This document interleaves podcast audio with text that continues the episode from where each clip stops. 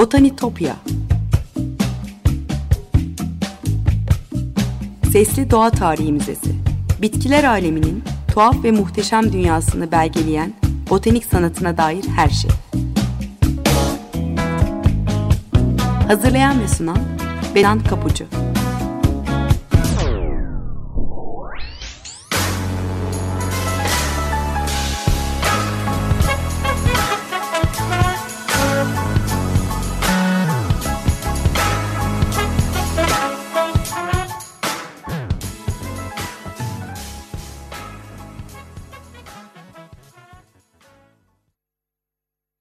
Merhaba sevgili Açık Radyo dinleyicileri. Botanitopya'ya, bitkiler aleminin tuhaf ve muhteşem dünyasına hoş geldiniz. Anlatıcınız ben Benan Kapucu. botanitopya.gmail.com elektronik posta adresinden ya da aynı adlı Twitter ve Instagram hesaplarından bana her zaman ulaşabilirsiniz. Yorumlarınızı ve anlattığım konuyla ilgili katkınızı paylaşabilirsiniz. E, bazen yayın sırasında görselleri, özetleri ya da kullandığım kaynakların linklerini de paylaşıyorum. O yüzden sosyal medya hesaplarımı takipte kalırsanız çok çok sevinirim. E, bilmeyenler için yine hatırlatayım. Eski program kayıtlarına da Spotify'dan Açık Radyo Podcast'leri üzerinden ulaşma şansınız var. Sevgili dinleyiciler bugün 1500 lira doğru uzanıp kıymeti sonradan anlaşılmış bir Rönesans sanatçısını ve onun gözlemlere dayanarak e, canlı örneklerden gerçekçi olarak çizdiği muhteşem çiçek resimlerini, bitki resimlerini anlatacağım. E, Jacques Lemoine e, 16. yüzyılın en iyi florilegium ressamlarından biriydi ama 20. yüzyıla gelince dek daha çok dünya haritaları, 1564-1565 e, yıllarında Fransızların Florida'ya yaptığı o keşif seferin detaylarını, e, günlük olayları anlatan e, o gravürleriyle biliniyordu. Birbirinden güzel çiçek resimleriyle dolu kitaplarının derin iade edilmesi için ise yüzyıllar geçmesi gerekecekti. Ancak 1922 yılına gelince e, kimi çiçek kitaplarının aslında haritacı olarak bilinen e, Lemoine'ın elinden çıkmış olduğu anlaşılır.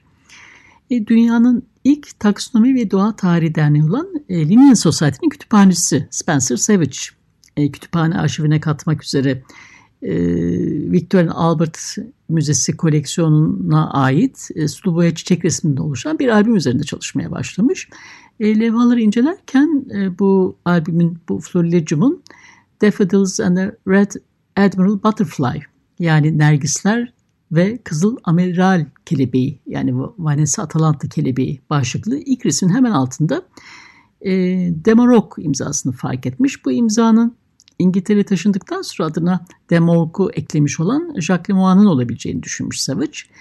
Ve Lemoine'ın e, farklı kütüphane ve müzelerde korunan diğer gravürleri ve resimleriyle karşılaştırarak e, basılı eserlerin o karmaşık tarihini netleştirmiş, onu ortaya çıkarmış. E, Lemoine'ın işlerinin önemli kısmı bugün British Museum'un arşivlerinde korunuyor. Bir bölümünde Dumbarton Oaks bahçelerinde yer alan Oak Spring Garden Foundation ve Morgan Library gibi İngiltere ve Amerika'daki kimi müzelerde korunuyor. E, Victorian Albert Müzesi'ndeki bu sulu boya albümünü inceleyen tarihçiler sanatçının Kraliyet Bahçesi'nin değil de sipariş üzerine bir soyluğa ait olan e, özel bir bahçenin bitkilerini kaydetmiş olduğunu tahmin ediyorlar. Canlı örneklerden siyah grafitte temel hatlarını ortaya çıkardıktan sonra sulu boyayla renklendirip ince detaylarına dek betimlenmiş e, bitki resimlerinden oluşuyor albüm. Yani bugün kullandığımız sulu boya tekniğinde olduğu gibi bir teknik kullanmış. E, Lemoine'ın Kalvinizme yakın bir e, protestan cemaati olan Huguenot mezhebine mensup olduğu biliniyor. 18. yüzyılın sonlarına ait gösterişli, yaldızlı, neoklasik bordürlerle çevrili büyük folyolara sahiplenerek ciltlenmiş olan 50 çizim e, çeşitli vakıfların ve hayırseverlerin destekleriyle e, Miss Sarah Haven'ın koleksiyondan alınarak müzeye kazandırılmış. E, orijinal cilt korunmamış olduğu için çizimlerin kim için yapıldığına dair hiçbir kayıt bulunamamış ama e, araştırmacılar yine de özenli ve kaliteli işçiliğine, e, titiz tekniklerine dayanarak seçkin bir müşterinin siparişi üzerine tasarlanmış olabileceğinin altını çiziyor. E, Victorian Albert Müzesi e, koleksiyonlarına kattığı bu çiçek albümünü e, Renaissance Watercolors, Renaissance sulu boyaları sergisinde izleyicileri e, buluşturmak üzere dijitalleştirmiş. Bu çevrimiçi sergi geçtiğimiz Aralık ayında yani yayına girmişti. E, ama gösterime kapalı şu anda ama 5 dakikalık bir video var. Onu izleyebilirsiniz. Onun linkini paylaşacağım. E, Rönesans logolarında kullanılan tekniği de anlatıyor bu videoda.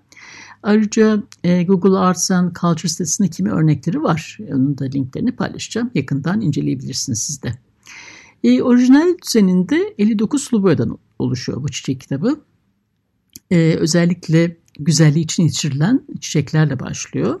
E, çiçeklerden sonra e, çoğu meyve ve kabuklu yemişler olan yenebilir bitkiler geliyor. E, son bölümde de şifalı bitkileri yer verilmiş.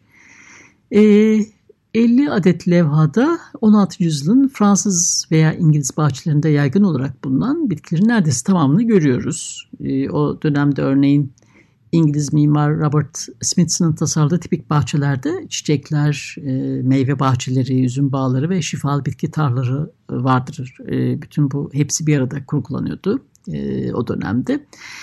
E, hangi bitkiler var derseniz Hercai menekşeler, Hüsnü Yusuflar, karanfiller, e, haseki küpeleri, e, birkaç çeşit gül, meyve dalları veya elma çiçekleri, mayıs elması, e, erik, ceviz ve badem, e, bir bezelye ve bal kabağı gibi e, kimi sebzeler, e, turunçgiller betimlenmiş tüm ayrıntılarıyla bu sulu boya resimlerde. E, kelebekler, yusufçuklar, tırtıllar, e, salyangozlar da kimi sulu boyalarda o çiçeklerin, e, meyvelerin üzerinde arasında gezinirken resmedilmiş. E, albümdeki bitkilerin düzeni sanatçıya siparişi veren mal sahibi arasında yetişen bitkilerin sırasını takip etmiş olabileceğini söylüyor araştırmacılar. E, örneklerin her biri 21,5'a 14,5 santimlik çerçeve içine çizilmiş. Çift çerçeveli iken aslında yeniden ciltlenirken tek çerçeve indirgenmiş her biri. E, Lemoine bu ölçü sınır içinde kalmaya özen göstermiş. Bu belli ama kimi levhalarda mesela yaprakların ucunu örneğin bir bitkinin e, çerçeve çizgisinde dışarına çıkarmış. Böyle örnekler de var. E, Lemoine'ın e, bugüne kadar korunarak gelmiş bu orijinal çiçek resmine rağmen çok az orijinal eseri olan e, Florida seferi gravürlere tanımış olması da enteresan gerçi. Burada bir parantez açayım. Jack albümden örneklerle birlikte Florida gravürlerini de paylaşacağım sizinle Twitter adresim üzerinden. E, Lemon'un Çağdaşı Hollandalı bir gravür ustası, kuyumcu, editör ve yayıncı olan Theodor de Bray 1591 yılında yayınladığı Amerika adlı eserindeki gravürlerinde onun çizimlerini esas almış. E, Lemoine e, dediğim gibi 1564-1565 yıllar arasında e, Fransız kaşifler Jean Ribot ve René de Ladonnie'nin e, Florida'yı kolonileştirmeye yönelik ilk seferine katılmıştı. E, burada Florida yerleriyle, e, hayvanları ve günlük ritüelleriyle ilgili gözlemlerinde çizimleri aktarmıştı. E, kaşiflerle birlikte e, 1564 yılında e, St. John nehrine varmış ve kısa süre içinde burada e, Fort Caroline yer, yerleşimini kurmuşlardı. Lemoine'ın işte manzaraları, haritaları, bitki örtüsü ve faunası ve en önemlisi e, yeni dünya sakinlerinin yaşamlarına dair sanatsal tasvirlerinin e, tarihsel bir değeri var. E, Lemoine'ın orijinal çizimlerinden sadece biri bugüne kadar ulaşmış ama onun çizimlerini esas alan gravürlerin e, Amerika'nın güneydoğu kıyılarının kültürlerine dair önemli veriler içerdiği düşünülüyor. Gerçi son zamanlarda Timucua haritası ve yerleriyle ilgili bu gravürlerin e, özgünlüklerini sorgulayan tarihçiler ve arkeologlar da var. Bu yönde e, pek çok makale var. E, Debray Atlantin ötesini hiç geçmemiş olduğu için hatta insanların ilgisini çekmek ve satışı arttırmak adına e, betimlenen sahnelerde tırnak içinde ufak tefek ayarlamalar yaptığı için e, gravürlerin doğruluğu da tartışılıyor.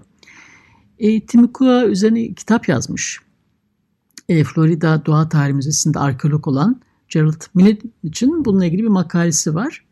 E, Lemoine'ın e, New York Halk Kütüphanesi'nde korunan orijinal resim de aslında kaynak resmi olmaktan ziyade e, Brian gravürlerinden birinin kopyası olabileceğini öne sürüyor.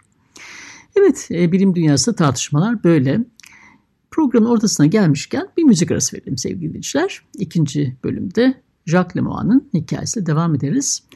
Johannes Brahms'ın eseri Double Concerto'nun La minör Opus 102 Vivace non troppo bölümü dinleyelim. Tekrar buluşacağız. Merhabalar tekrar. 95.0 Açık Radyo'dasınız. Botanitopya'da 1500'lere uzandık. Bir Rönesans sanatçısını ve onun botanik resimlerini konuşuyoruz. Evet kimdir peki Jacques Lemoine? Elimizde ne bilgiler var ona bakalım. 1533 ee, yılında Fransa'nın Loire Vadisi'nde Chateaudan'ın yaklaşık 7 mil doğusundaki Dieppe kasabasına doğmuş. E, hayatının ilk 30 yılı belgelenmemiş. Pek fazla bilgi yok bu dönemle ilgili ama doğduğu yer e, haritacılık ve kitap süsleme zanaatıyla tanınan bir yer e, olduğu için onun da bu eğitimi almış olduğu varsayılıyor. Dieppe Fransa Kralı 2. Henry ve İngiltere Kralı 8. Henry de dahil e, zengin müşterilerin siparişleri üzerine e, son keşif ve fitihleri gösteren dünya haritaları üreten e, harita okulu ile biliniyor. E, bu okulda kaşifler ve denizcilerin navigasyonda kullandıkları o ayrıntılı çalışma haritaları hazırlanıyordu. Bunun Lemoyne'ın e, Fransız kaşiflerin Florida'da yaptığı keşif gezisinde haritacı olarak işe alınması da bir bağlantısı olabilir. Onun görevi bu gezide kıyı şeridini kaydetmek, e, bitki örtüsünü, faunayı ve Timucua halkını çizmekti. Sefer felaketle sonuçlanır. E, Lemoine hayatta kalır ama mürettebatın çoğu Fransa'ya dönemez. E, deyip protestanlar için güvenli bir sığınak olmasına rağmen e, 1562'de başlayan din savaşları sırasında e, Lemoine gibi Huguenotlara zulmedilmiş ve e, Lemoine Fransa'dan kaçmak zorunda kalmış. E, Fransa ve Hollanda'dan protestan mülteciler için önemli bir merkez olan Blackfriars'a yerleşmiş. E, Victoria Albert Müzesi'nde korunan sözünü ettiğim o Florilegium büyük olasılıkla e, Lemoine'ın İngiltere'ye taşınıp yaygın yerli türlerin botanik örneklerini resimlemeye başladığı 1570'li yıllardan kalma. E, Lemoine'ın bağlı olduğu toplulukta e, Anversli matbaacı Christopher Planter'in temsilcisi. Daha sonra 1586 yılında e, Lemoine'ın tek basılı eseri e, La Clé de Champ'ı yayınlayan e, Thomas Vötrelier gibi matbaacılar var. Ayrıca enstrüman yapımcıları, eczacılar ve doktorlar da vardı. E, Lemoine'ın yeni dünya keşiflerine merakı ve hayranlığı vardı. Böyle maceraların peşinden koşuyordu belki ama yerli Avrupa bitkilerini çizmek de zamanında ağırlıklı olarak yaptığı işlerden biriydi. E, 16. yüzyılda bahçelerde yetiştirilen şifalı bitkiler sadece hekimlere ve bilginlere değil, dönemin arazi sahiplerine, zengin patronlarına da hitap ediyordu biliyorsunuz. E, zaman zaman konuşuyoruz burada da.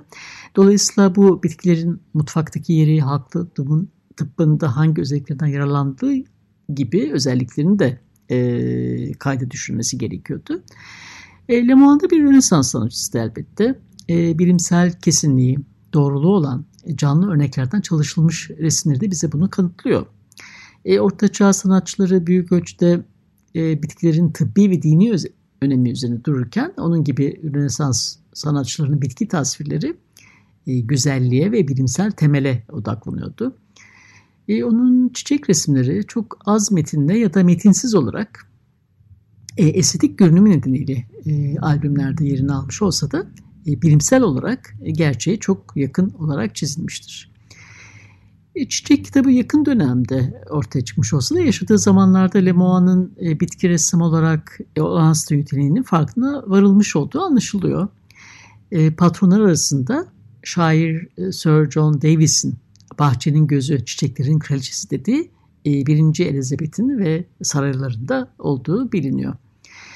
Victoria Albert Müzesi'nde korunan e, bu çiçek albümünü e, Florilegium'u kimin sipariş ettiği, e, kime ithaf edildiği bilinmiyor. Orijinal cildi kaybolmuş olduğu için ama La Clé de Champ, Lady Mary Sidney'i ve onun kızı olan şair ve edebiyat hamisi Pembroke Kontesi Mary Herbert'a ithaf edilmiş. E, bu çiçek kitabı da Virginia'daki Oak Spring Garden Library'de korunuyor. E, 1584 yılında da yayınlanan bu nadir eserin yalnızca e, üç nüshası bugüne kadar ulaşabilmiş. E, biri de doğa bilimci Joseph Banks'e ait.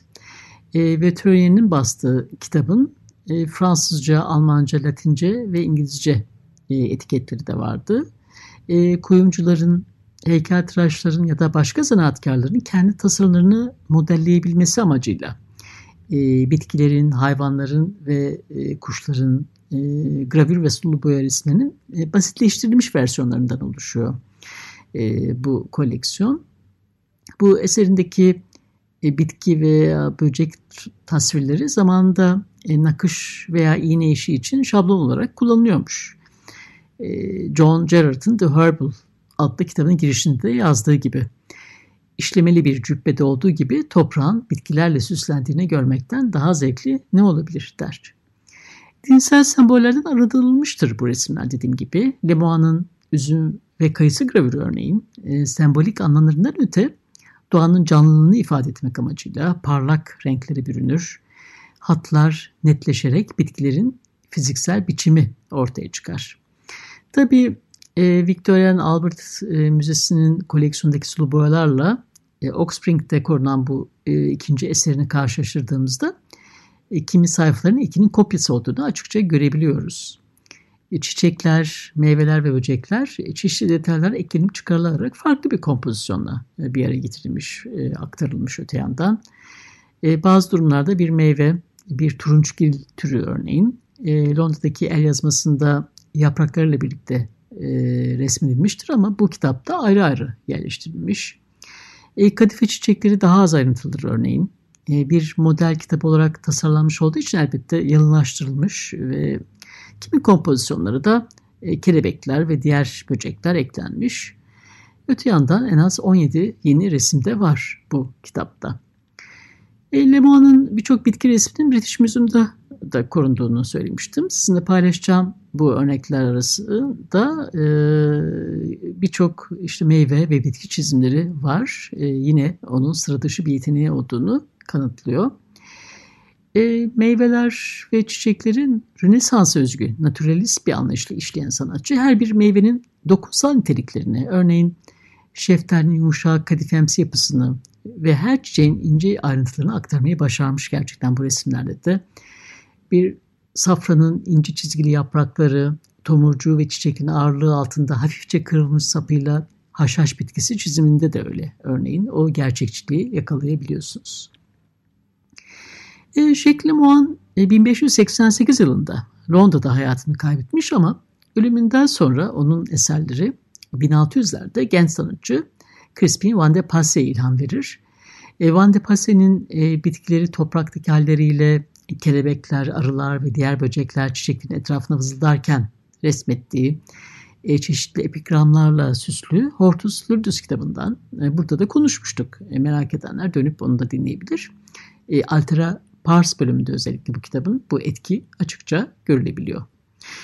Evet sevgili dinleyiciler bugün yine Rönesans çiçek resimlerinin arasında dolaştık.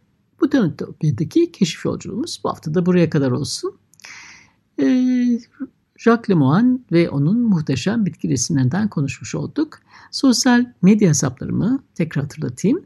Botanitopya adlı Twitter ve Instagram hesaplarımdan her zaman bana ulaşabilirsiniz. Takipte olursanız çok çok sevinirim. Program destekçilerime gönülden teşekkürlerimi iletiyorum buradan. Bir daha görüşünceye dek sevgiyle ve duayla kalın.